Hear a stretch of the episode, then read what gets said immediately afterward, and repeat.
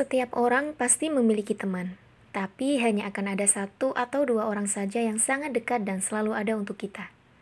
Saya menyebutnya sebagai sahabat. Sahabat adalah sosok penting dalam hidup saya setelah keluarga dan guru.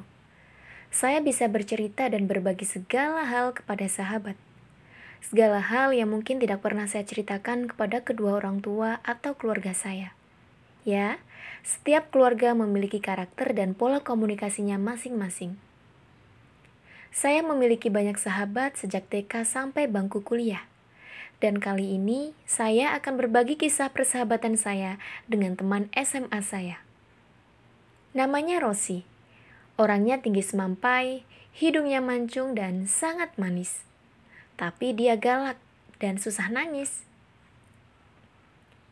Persahabatan kami cukup unik, karena sebenarnya kami bingung sejak kapan kami saling dekat. Pada awalnya, kami tidak dekat sama sekali, hanya sekadar teman kelas. Tepatnya kelas IPA 1 di salah satu madrasah aliyah negeri di Jawa Timur. Kesan saya ketika melihat dia adalah orangnya terlalu serius dan anak eksak banget karena dia jago kimia dan matematika. Sementara saya lebih easy going dan suka bercanda. Dia suka duduk di kursi yang paling depan dan saya justru suka duduk di kursi bagian belakang. Dan ternyata, kesan dia terhadap saya juga demikian.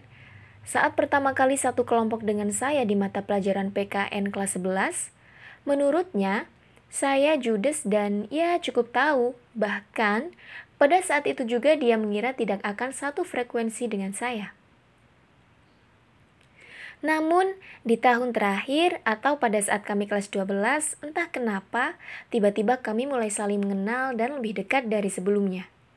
Pada saat itu juga saya merasa kelas kami menjadi lebih dekat dan solid.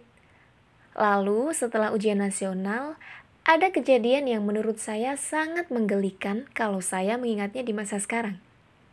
Ya, tapi itu mungkin wajar untuk usia-usia anak SMA. Saya mengalami patah hati.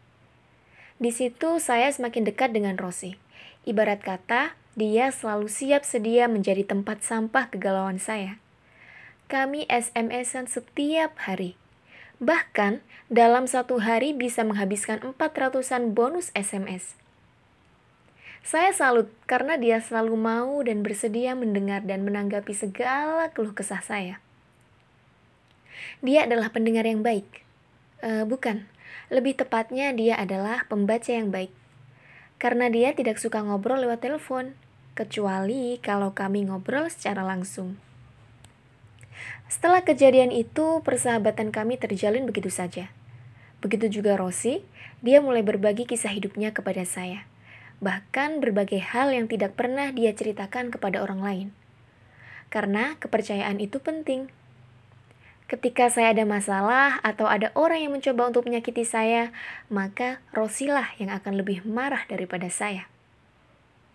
Uniknya lagi, pada umumnya dua orang akan bisa menjadi dekat kalau memiliki kesamaan dalam beberapa hal. Tapi saya dan Rosi justru sangat berbeda dalam berbagai hal. Dia kopi edik. Tidak ada hari tanpa kopi. Kopinya pun harus kopi hitam. Sedangkan saya minum kopi sedikit saja langsung kembung. Rosi adalah pecinta kucing dan sangat takut dengan ulat.